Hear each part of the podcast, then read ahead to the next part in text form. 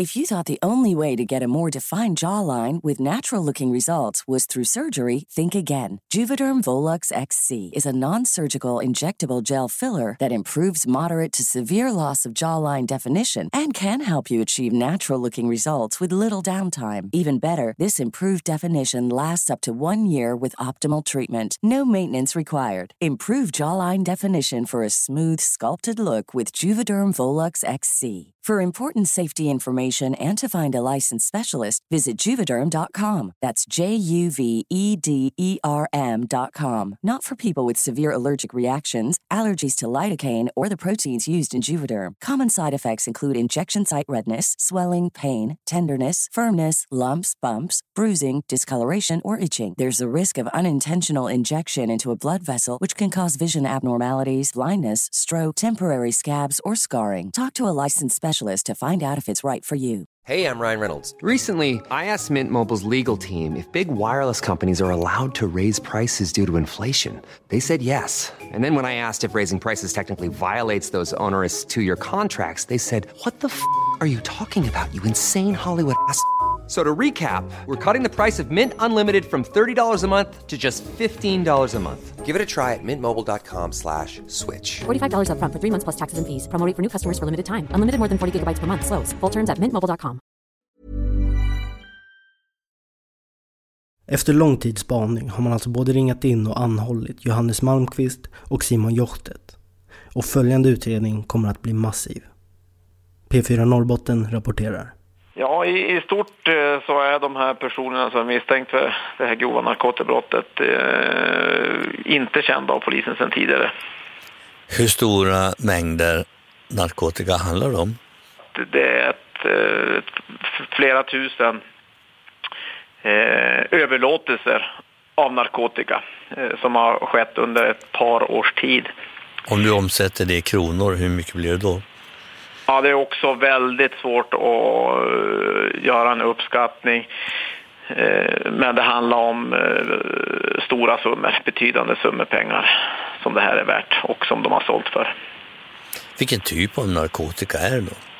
Det är ganska blandad typ av narkotika. Det är allt ifrån cannabis eh, och eh, i olika former av cannabis, hasch till LSD och ecstasy.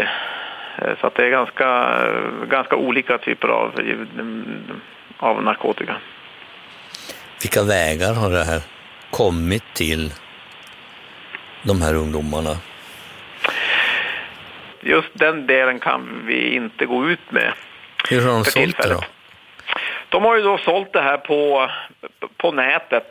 Eh, Det är en del av internet som, som, eh, som visar anonyma webbplatser, alltså anonyma hemsidor och sånt här. Och så de har sålt det på de här webbsidorna, anonyma hemsi- hemsidorna och webb, webbplatserna. Den person man alltså tror är hjärnan bakom narkotikahärvan är den 27-årige Johannes Malmqvist. Men han har en helt egen version om vad som hände. Jag vill inleda med att säga att jag lider av scenskräck och jag har alltid haft stora svårigheter att tala inför människor. Men jag ska göra det bästa jag kan utifrån mina förutsättningar. Jag har ingenting att göra med Alexandrus före juni 2014. Simon Joktek tog kontakt med mig och berättade att han hade tänkt börja sälja cannabis över internet. Han försökte övertala mig till att bli en del av det. Simon sa att min uppgift skulle bestå av att jag skulle stå för kundsupport för hans försäljarkonton och sammanställa orderadresser inför utskick åt honom. Jag bad Simon om lite tid att få tänka. Och vi träffades igen två dagar senare. Och då tackade jag ja till Simons jobberbjudande. Eh, Simon Joktet, han var hemma hos mig ganska ofta under sommaren och hösten 2014 och nyttjade min dator. Vid ett flertal av de här tillfällena hade han med sig USB-minne och även en kamera. Eh, I början av november 2014 så berättade Simon för mig att han skulle börja sälja MDMA också.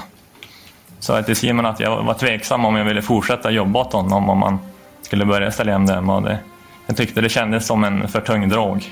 Eh, men Simon han lyckades övertala mig att vara kvar i verksamheten genom att erbjuda mig att bli en likvärdig partner med honom.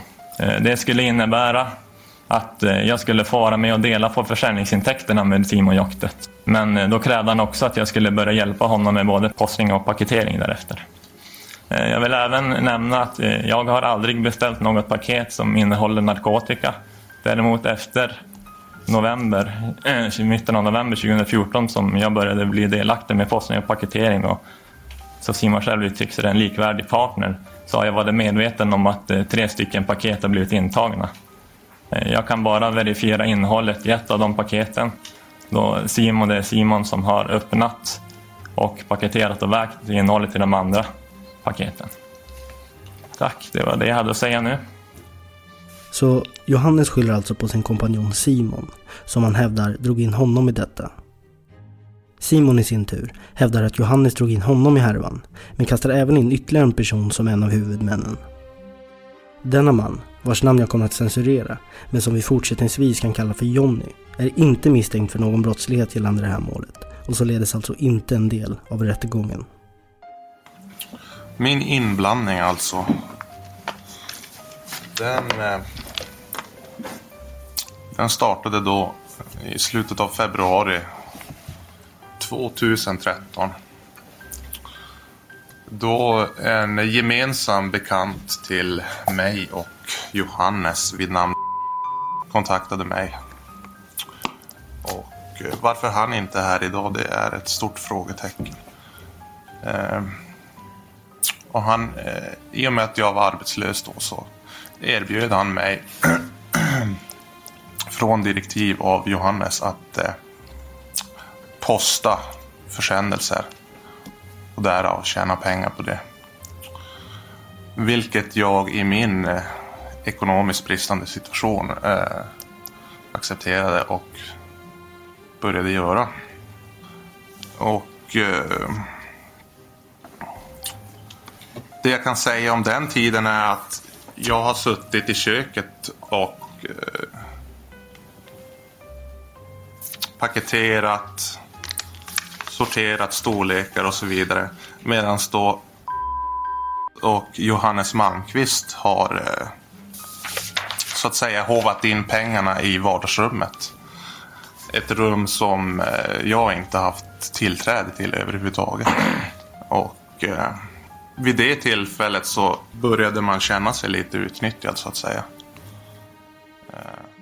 Av dessa två olika versioner visar det sig snart att Simon Jochtets version ligger mycket närmare sanningen om hur det hela faktiskt har gått till. Simon anlitas av Johannes för att hjälpa honom med att paketera narkotikaförsändelser. Och till en början sker denna verksamhet från Johannes Malmqvists lägenhet i Byske. Uh, för jag var ju också visserligen intresserad av uh, vad som fanns att se i vardagsrummet. Men jag hade som sagt inte tillträde dit. Eh, och eh, sen eh, fortsatte det här då med att jag paketerade och postade fram tills mars 2014. Då polisen kom till Byske. Och det här är också väldigt förvånande att det inte har uppkommit i utredningen. Eh, polisen kom nämligen till Byske just efter att jag hade lämnat ett paket med narkotika till Johannes Malmqvist i Byske. Och gjorde ett förhör med mig på plats ute på gatan alltså. Eh, med eh, narkotikamisstankar mot mig. Och det här ledde till att jag helt och hållet drog mig ur den här verksamheten i ungefär tre månaders tid. Eh, och då kommer vi in på Stefan Sandström. En god vän till mig. Som eh, jag tidigare hade fått vistas hos i hans hus för att spela in musik. Det kan man även se på de här bilderna från Fjällboda att det finns trumset och gitarrer och så vidare. Och eh, i och med att det hade lugnat ner sig lite efter det här polisförhöret i Byske ingenting hade hänt och så vidare. Så, och så i samband med min, fort, min bristande ekonomi så valde jag att ge mig in i det här igen. Och eh, eftersom att det även för och Johannes var väldigt nojigt så att säga att arbeta i Byske. Så, så ville då Johannes att eh, verksamheten endast kan fortsätta om ny lokal kan ordnas. Och i och med då att Stefan som äger det här huset i Fjällboda inte längre bodde där och jag bara spelade musik där så tyckte väl jag att det skulle vara ett perfekt alternativ. Eh, så att eh, Johannes han började då eh, förhandla med mig som jag då fick vidarebefordra till Stefan om Stefan skulle kunna gå med på det här och vad han då skulle få i betalt. Och det har ju åklagarna gått igenom ganska ordentligt. Eh, och eh, ja, så att eh, jag ger Stefan Sandström den första betalningen i början av maj 2014. Ett kuvert innehållandes 10 000 kronor. Och, eh, men det, det, blir ingen aktivitet. Det blir ingen illegal aktivitet i huset förrän i början av juni eller slutet av maj. Och eh, då fungerar det som så att, eh, att Johannes kör från sin lägenhet, häm, hämtar upp mig i Skellefteå. Vi åker tillsammans till Fjällboda. Eh, och med sig har då Johannes Malmqvist sin bärbara dator där han har tagit med sig alla de här eh, kunderna som har skickat beställningar till han. Och eh, ja, verksamheten bedrivs ju helt och hållet av genom hans direktiv. Att det här och det här ska jag paketera och det här och det här ska jag posta. Eh, så att vi sitter då där i Fjällboda och paketerar narkotika och sen eh, beger vi oss ut då till Skellefteå och diverse brevlådor och postar den här narkotikan. Och hur själva postningen gick till hörde ni hur spanarna och utredarna beskrev i del 1. Men utefter att verksamheten växer blir det för riskabelt för de inblandade att sköta allt från Johannes lägenhet i Byske. Så man letar efter andra alternativ Genom en gammal kompis till Simon får man tillgång till ett obebott ruckel till hus i Fjällboda i utkanten av Skellefteå. Detta hus kommer sedermera brinna upp under mystiska omständigheter. Men huset ägs just då av en viss Stefan Sandström som vi kommer komma in på mer senare. Och det är alltså i detta hus som narkotikahanteringen tas till ytterligare en nivå. Man köper in all tänkbar materiel för att bedriva verksamheten i en större skala och kan nu jobba mer ostört. Åklagaren vill mena att Johannes är den som basat över denna verksamhet. Men Johannes håller ju inte med. Du, du har sett hur det ser ut i Fjällboda. Det är stora mängder narkotika där, förpackningsmaterial, utrustning för att torka av och så vidare. Och, och spanarna har ju följt efter både dig och Simon när ni åker dit. Ja. Är det inte därifrån verksamheten sköts då? Narkotikaverksamheten sköts därifrån. Ja, det är i Fjällboda som narkotikaverksamheten, i alla fall ifrån och med november. I mitten av november kan jag bekräfta att både paketering och postning sköts. Paketerar du narkotika där ute? Ja, det var ett av kraven för att jag skulle få vara med och, och dela på försäljningsintäkterna med Simon Jockstedt. Så ja, det stämmer. Du är ju... Okej. Okay. Vems narkotika är det här då menar du? Ja, det är ju en, en svår fråga. Det är Simon som har, ja, jag vet inte om det är Simon personligen som har beställt in, men det är han som har betalat med pengar från verksamheten och sen även hämtat och kört dit den. Jag har ju fått ett löfte att jag ska få vara med och dela på försäljningsintäkterna. Men, men samtidigt så kan jag inte påstå att jag har varit en ägare av narkotikan, men jag, jag har fått ett löfte om att dela på försäljningsintäkterna. Men man, ja, Menar du att du har haft någon insyn överhuvudtaget i den här verksamheten under den tid som du menar att du har jobbat med den här? Jag har väl haft ganska stor insyn från och med jag varit en likvärdig partner. Då pratade vi ganska öppet och planerade saker. Eftersom vi hade en överenskommelse om att vi skulle dela på försäljningsintäkterna lika. Även om inte så riktigt blev fallet. Men du berättar samtidigt nu här nu början så att du har varit rädd för Simon. Var det så jag ska uppfatta dig? Jag har inte varit rädd för Simon. Jag har varit rädd för konsekvenserna om jag skulle så att säga gola och prata med polisen. Simon... Men för att kunna paketera och skicka försändelser med droger land och rike runt förutsätter ju det att man själv har tillgång till stora mängder droger. Och dessa droger beställs in från Holland.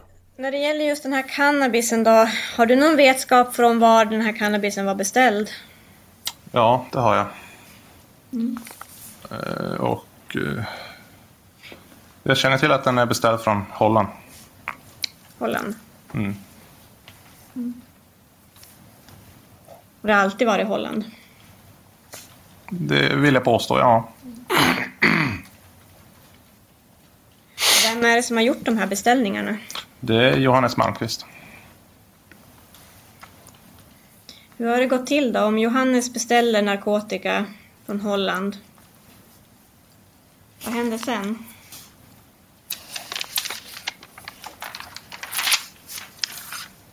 Eh, om Johannes beställer narkotika då betyder det då alltså att jag först har bekräftat för för Johannes att jag har en kandidat som står på standby så att säga.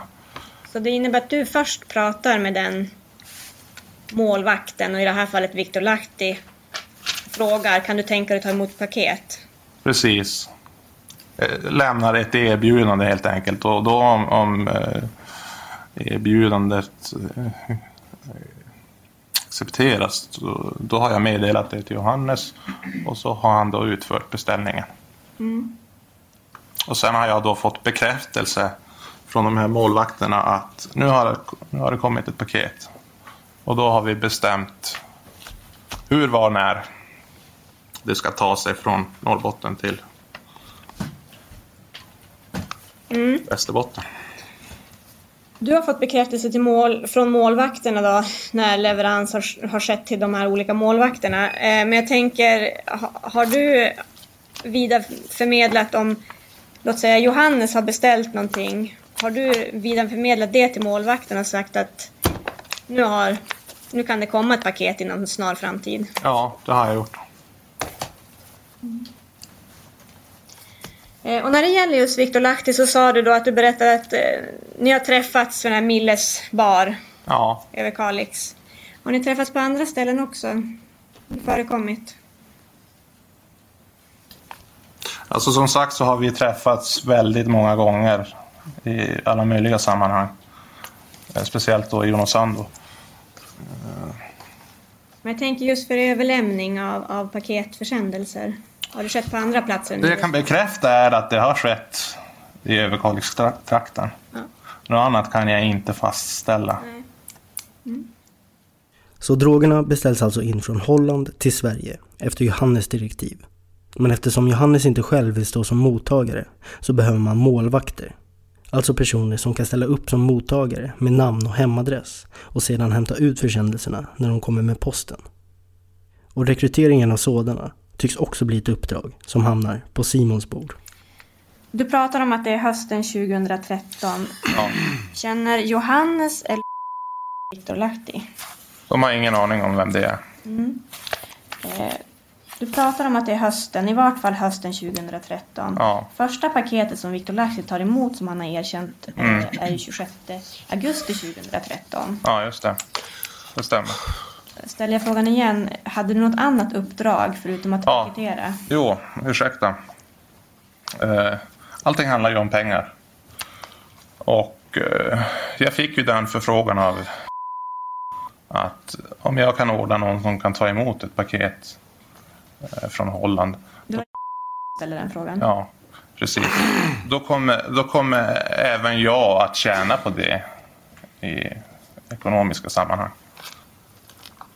Vad menar han med det? Även du skulle tjäna på att ta, eh, fixa en målvakt då? Ja, men... Eh, om vi säger att det är på tiden då jag har fått inträde till lägenheten och har börjat paketera. Då betyder det att jag fick 1200 kronor per dag som jag var där. Men om eh, jag kunde ordna en målvakt som eh, tog emot ett paket som jag då dessutom personligen for och hämtade. Då skulle jag få en viss summa pengar. Alltså utöver de här 1200 kronorna. Eh, vad det har varit för summa det kan jag inte komma ihåg i dagsläget. Men eh, jag vill tycka att eh, det där och då kändes värt. En gång till. Att det där och då kändes som att det var värt det. Mm. Mm. Så man kan säga att din roll utökas då till paketering och se till att, att fixa någon målvakt som kan ta emot. Alltså, det var inte min roll att se till att ordna målvakter. Utan det var eh, snarare att ett erbjudande. Mm. Att kan du ordna en målvakt, då kan det se ut så här.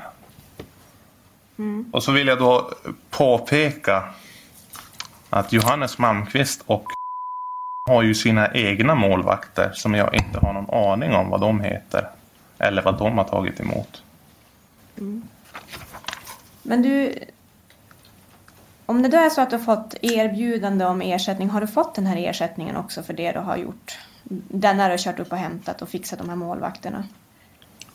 Eh, det har jag definitivt. Men eh, när man tänker tillbaka på det just nu så handlar det ju om eh, alldeles för lite pengar i jämförelse med risktagande Ja. så att säga.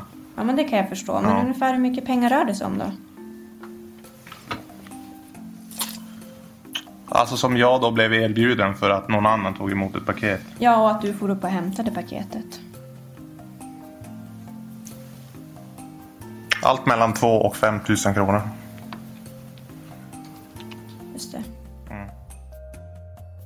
Så det är Simon som sköter rekryteringen och kontakten med målvakterna, som i sin tur får avier hemskickade till dem när ett paket med narkotika från Holland finns att hämta.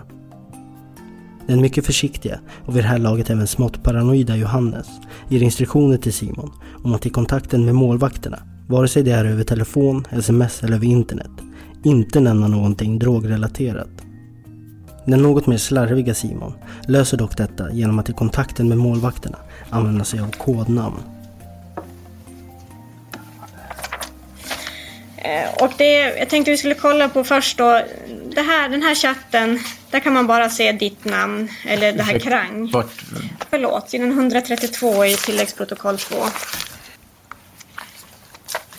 Krang, det är du, har jag förstått det som. Ja, Och Vigor, det är Viktor Lahti. ja. Eh, Den här konversationen börjar den 15 eh, oktober 2014. Och jag pratar om Girl Scout Cookie. Ja, Vad är det för någonting? Det är en eh, cannabissort, alltså marijuana, som eh, finns eh, i Fjällboda. Sen kommer en eh, hjälp plus ersättning i behov just nu. En miljardbeställning, speciellt storlekar som kan kosta allt mellan 5 till 15 000. Ersättning ligger på 8K. Eller 110 Girl Scout. Eller Girl SC. Ja, alltså 8000 kronor eller 110 gram. Ja. Ett mottagande av den dyra fina cheesen, ett kilo. 100 cheese i ersättning. Mm. Och det är det här jag hänvisar till. Att erbjudandet gäller ett kilo cheese. Och cheese var... Det är en sorts eh, cannabis, marijuana. Det står att han skulle få 100 cheese i ersättning. Mm. Alltså erbjudandet gäller ju att eh, det ska beställas ett kilo cheese och att Viktor då ska få en ersättning av 100 gram, alltså en tiondel av totalvikten. Och eh, det här är då en höj, höjning, och så igen då från Johannes direktiv för att eh, möjligheterna till att Viktor ska svara ja höjs. Mm. Eh, den 24 oktober på sidan 133 så skriver du BTV, är du bekväm att ta emot ett legalt paket också? Som beställs av kollegan själv men till din adress för 25 extra kakor. Vad syftar det här på då? Vad betyder det? Eh, det syftar på att att jag frågar då om Viktor kan ta emot ett paket som han inte behöver beställa själv. Och om han skulle gå med på det så får han 25 extra gram Girl Scout cookies. Mm. If you're looking for plump lips that last, you need to know about Juvederm lip fillers. With Juvederm Volbella XC and Juvederm Ultra XC, your lip look, whether it's subtle or bold, can last up to one full year with optimal treatment and no additional maintenance. Find a licensed specialist and see if it's right for you at Juvederm.com today. That's J U V E D E R M.com. Add fullness to lips in adults over 21 with Juvederm Volbella XC or Juvederm Ultra XC. Do not use if you have severe allergies or a history of severe allergic reactions, or if you're allergic to lidocaine or the proteins used in Juvederm. Tell your doctor if you have a history of scarring or taking medicines that decrease the body's immune response or that can prolong bleeding. Common side effects include injection site redness, swelling, pain, tenderness, firmness, lumps, bumps, bruising, discoloration, or itching. As with all fillers, there's a rare risk of unintentional injection into a blood vessel, which can cause vision abnormalities, blindness, stroke, temporary scabs, or scarring. For full important safety information, visit juvederm.com. Ryan Reynolds here from Mint Mobile. With the price of just about everything going up during inflation, we thought we'd bring our prices down. So to help us, we brought in a reverse auctioneer, which is apparently a thing. Mint Mobile unlimited premium wireless. Ready to get 30, 30, bit to get 30, bit to get 20, 20, 20, bit to get 20, 20, bit to get 15, 15, 15, 15 just 15 bucks a month. So, Give it a try at mintmobile.com/switch. slash $45 up front for 3 months plus taxes and fees. Promo for new customers for limited time. Unlimited more than 40 gigabytes per month slows. Full terms at mintmobile.com. Millions of people have lost weight with personalized plans from Noom, like Evan, who can't stand salads and still lost 50 pounds. Salads generally for most people are the easy button, right? For me, that wasn't an option. I never really was a salad guy. That's just not who I am. But Noom worked for me. Get your personalized plan today at Noom.com. Real Noom user compensated to provide their story. In four weeks, the typical Noom user can expect to lose one to two pounds per week. Individual results may vary.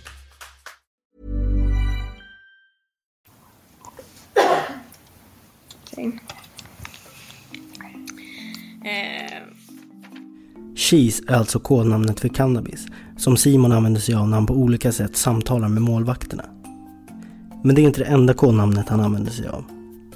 Girl Scout Cookies används för en annan cannabissort. Och som ni hörde utredare Palmgren beskriva i del 1 så uppdagades det under utredningen en rad andra kreativa men ibland mindre subtila kodnamn för droger. Marianan kallas ju för grönsaker. Haschet kallas för brunsås. LSD kallas för Lennart, men också ibland för biljetter. MDMA kallas för Martin, men också för Molly eftersom Martin även är Simons kodnamn för Johannes. Och för att inte dra öronen till sig när man pratar om cannabissorten Amnesia Haze väljer han att benämna den som Adolf Hitler. Dessa kodnamn tar utredarna del av en tid in i spaningsprocessen då man börjat avlyssna Simons telefon och har till slut inga större problem med att dechiffrera dessa. Och för att drogerna i paketen inte ska upptäckas i tullarna så har Johannes i samråd med leverantörerna i Holland anammat en taktik där man gömmer mindre mängder droger i ett större paket tillsammans med en massa andra legitima artiklar. På så sätt har paketen lyckats gå förbi tullen obemärkta. Men som sagt, för att denna verksamhet ska fungera krävs ju att målvakterna hämtar upp drogerna. Och vi hör nu en av dessa målvakter, Viktor Lahti, berätta sin syn på uppdraget. Ja, jag kan eh, bara berätta lite kort om eh, eh just den här sommaren eh, 2013. Så, ja, som, eh, som Steinman sa här tidigare så har jag fast jobb och ett väldigt ordnat liv i övrigt. Men eh, under sommaren 2013 så eh, var jag med om en separation som var väldigt jobbig. Jag hade varit tillsammans med en tjej i två år och eh, i samband med det så träffade jag på Simon Jottet i Unosvando och eh, han hade vi hade väl rökt cannabis tidigare vid något tillfälle och eh, Då erbjöd han mig att jag skulle få köpa cannabis av honom. Och senare när, eh, alltså det var muntligt då. Och senare så chattade vi tillsammans och när, när, köp, när jag skulle bekräfta att jag skulle köpa då erbjöd han mig då att jag skulle ta emot ett sånt här paket. Och försäkrade mig om att det skulle vara väldigt eh, noga inpaketerat och allting. Och jag var ju väldigt, väldigt nere just då och eh, gick med på det helt enkelt.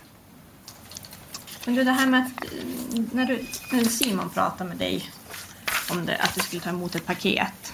Vad är det egentligen som sägs vid det tillfället? Nå, han, jag frågar ju då, som jag, sa- som jag sa, att eftersom att han, han sa ju då inledningsvis att eh, han kände till någon. Jag vill minnas att vi satt och, och faktiskt satt och rökte cannabis tillsammans och så ville han eh, erbjuda mig att köpa cannabis. Att han visste, visste någon i Skellefteåtrakten som kunde få fram bra, alltså få tag i bra cannabis. Marijuana då. Och eh, sen så när vi, när, när eh, köpet skulle gå igenom så erbjöd, kom han som ett motbud och frågade mig om jag kunde ta emot ett paket istället till min adress. Att, eh, som, alltså som beställs till min adress, Mm. som han uttryckte det. Och att eh, det är väldigt säk- alltså, det är väldigt seriöst inpaketerat och eh, det är inpaketerat i flera lager vakuumplast. Så att eh, inte, inte ens narkotikahundar kommer lukta till sig det. Mm. Och jag Det, det, det, vad skulle det innehålla då, det här paketet? Det skulle innehålla 500 gram Av vad då? av eh, marijuana, cannabis. Jag vet inte vad det skulle vara för sort eller någonting, det har jag som inte. Ja. Och erbjudandet var att jag skulle få 20 gram cannabis i betalning. Mm. Och istället då för att köpa, då tänkte jag att ja, det räcker hur länge som helst det här. Så att då gick jag med på det. Gick med på det. Mm. Ja, eh, och hur gick det här till då? Kan du beskriva hur det gick till? Med paketet och hur det kom och så vidare. Hur hanterade det efteråt. Nå, det kom då ett avi hem i, i brevinkastet och, eh, och jag kontaktade Simon och förklarade att jag tror att det har kommit. Och eh, så bestämde vi. Inledningsvis så, så eh, sa han ju att han skulle komma upp till Kiruna och hämta det. Men då tänkte jag bara för att vara schysst faktiskt. För att jag visste att ja, det är ju en jävla bit att köra från Skellefteå. Att vi kan ju, möt- jag kan ju faktiskt mötas halvvägs. Så då bestämde vi oss för att eh, ja, men vi börjar köra samtidigt så möts vi, möts vi upp i ja, Överkalix eftersom att det är ungefär halva vägen. Mm. Och att eh, någonstans var man hittar så det inte blir något missförstånd. Så möttes vi upp då på Nilles eh, vägkrog i Svartbyn, Överkalix. Mm. Hur var det när du hämtade ut det här paketet då? Hur gick det till? Ja, jag gick bara in på Coop Forum i Kiruna och eh, gav mitt avi och visade lägg och hämtade ut det helt enkelt. Ja, så du var tvungen att visa lägg. Jajamän. Eh, och det skulle innehålla 500 gram cannabis och sen möttes vi upp på Nilles vägkrog. Jajamän. Det här med Nilles, är- är det genomgående så att ni har mötts där när ni har Nej. paket? Det är det inte. Var någonstans annars har ni träffat då? Vi har träffats upp efter vägen annars. Alltså p-fick- på någon p-ficka. Mm. Varför var det så då? Det, det minns jag faktiskt inte riktigt. Jag kan inte riktigt eh, säga exakt varför det var så. Men eh, Men kanske att det är mycket folk. Det var väl mycket folk där. Att man ville väl vara lite försiktig. Det kändes ju inte riktigt okej om man säger så det här hela upplägget. Nej. Har du något minne av att, eh, att Simon kunde passa tiderna och hur det såg ut? Eh, nej, faktiskt så, eh, så är det så att eh, vid eh, mer än ett tillfälle så har jag faktiskt eh, varit tvungen att vänta på honom. Även om jag började köra senare medvetet för att jag visste att, att han förmodligen kommer komma för sent. Mm. Det stämmer. Så att han, han var inte så bra på att passa tiderna? Nej. Lite slarvig sådär? Ja. Men det finns ytterligare målvakter. Gustav Kroka är en av dem och han anställer i sin tur sin kompis Jens Sekas. Alla dessa målvakter jobbar då för Simon, som i sin tur jobbar för Johannes. Vi hör Jens Sekas, som nekar till all slags inblandning. Du, det finns ju, jag måste ändå gå in och fråga dig då om... Om... eh, Din kännedom om de här utlandsförsändelserna eh, som har kommit. Alltså är utlandspaket något som du brukar få eller sådär? Eh, Så jag beställer ju kläder och, och sånt då och då. Och Och är, det, är det från utlandet eller är det från Sverige kanske? jag vet att jag har beställt kläder från USA förut och eh, rullpapper från Storbritannien. Och så något te via Ebay, men det vet jag inte riktigt vilket land det kom ifrån. Vad sa du att det var? Te. Te, okej. Det- Men det, det är inte så ofta. Från Holland då? Hur är det där med paket? Nej, där brukar jag inte beställa något vad jag kommer ihåg. Det måste vara väldigt långt tillbaka i så fall. Ja, du har ju sett den här, vi har ju gått igenom de här paketlistorna. Egentligen, ja, sidan 270 är en sån här liten översiktsbild kan man väl säga. Och där är ju fyra stycken försändelser. 270. 270 i tilläggsprotokoll, eller huvudprotokollet ska jag säga.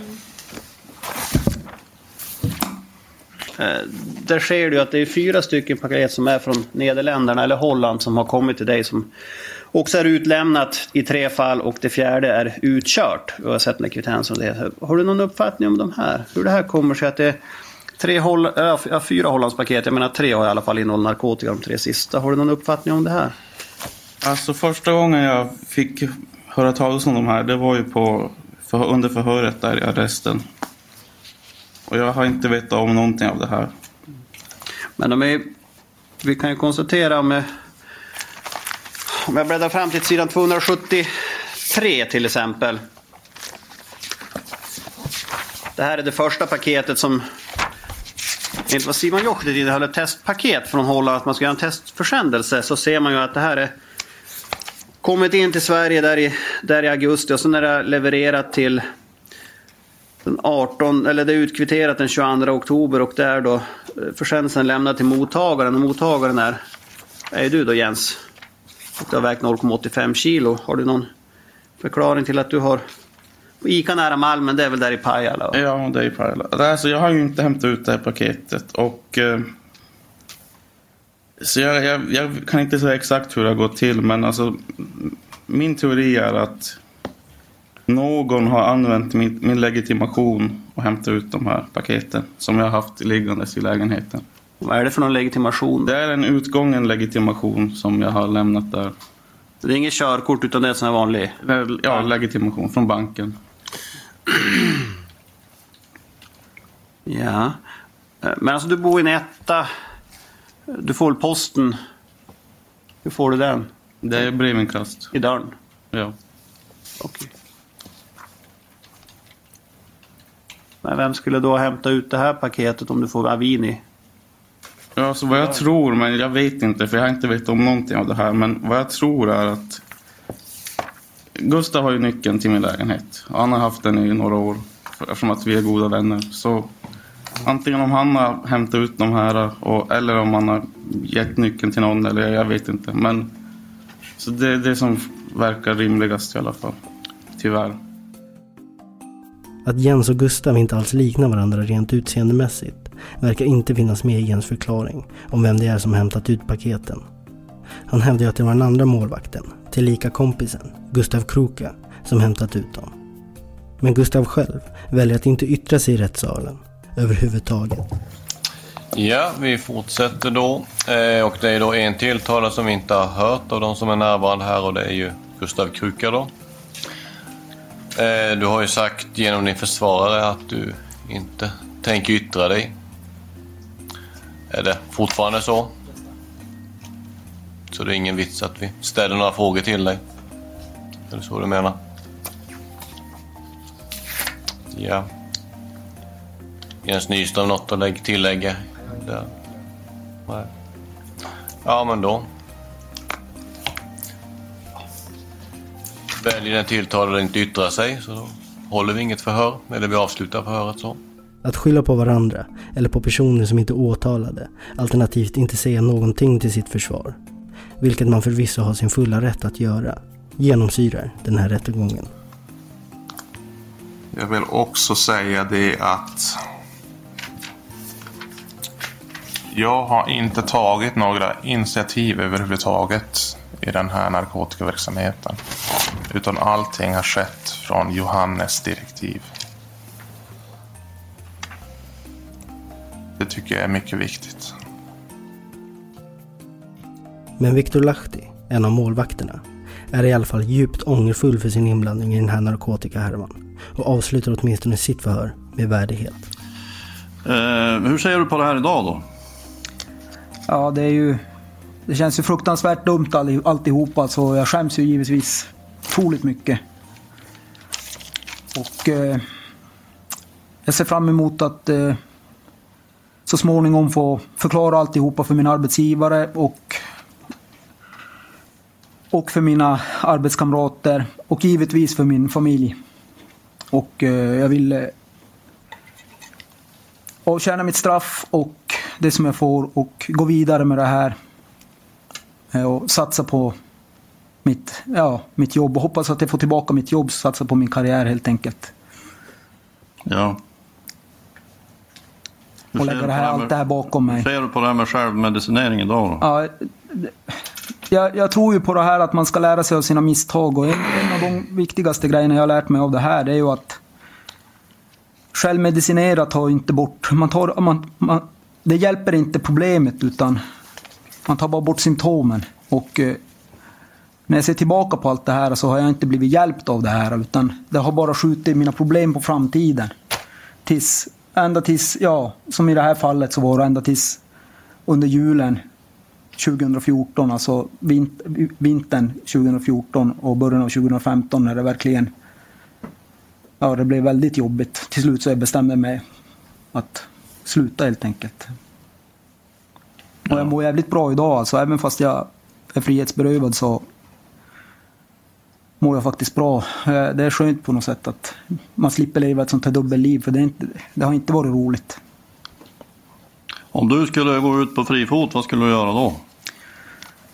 Ja, då skulle jag kontakta min arbetsgivare och eh, fråga givetvis om jag får komma tillbaka till jobbet och förklara för honom, helst öga mot öga, allting hur det har varit. Och, och då, eftersom att jag mest troligt så kommer hamna på anstalt, så försöka då drilla in min efterträdare så gott jag kan under den tiden. Och sen givetvis ta kontakt med min familj och träffa min mor och sådär. Hon har nog varit fruktansvärt orolig och, och ett- och hon inte har vetat vad, vad jag har hållit på med och varför jag sitter här. Ja, men du skulle göra, vidta åtgärder för att behålla jobbet då? Absolut, det är, det är steg ett. För jag vet ju att även om eh, morsan är viktigast så vet jag ju att familjen har jag ju kvar hur som helst.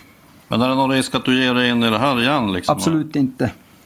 Ja, Prova med självmedicinering igen? nej, alltså jag, jag, som jag säger, att det jag har lärt mig av det här, att är det så att jag skulle känna att jag blir deprimerad igen eller får problem så, så kommer jag söka hjälp för det helt enkelt.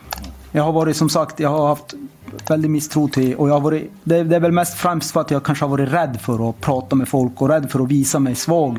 Alltså att jag tror att jag visar mig svag. Men jag har en helt annan syn på det idag. Ja, ja tack. Jag har inga fler. Nej.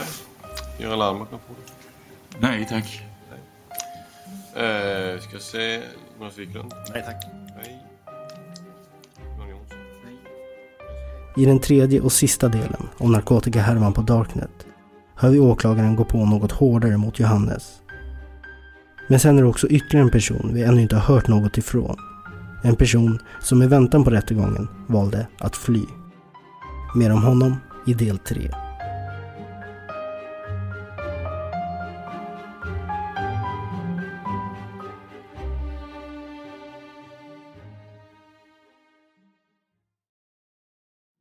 Rättegångspodden är en Tall Tale produktion. Ansvarig utgivare är Jonas Häger. Och Rättegångspodden görs i samarbete med Lexbase. Ange rabattkoden Rättegångspodden när du blir ny betalande medlem på lexbase.se och få tre kostnadsfria domar.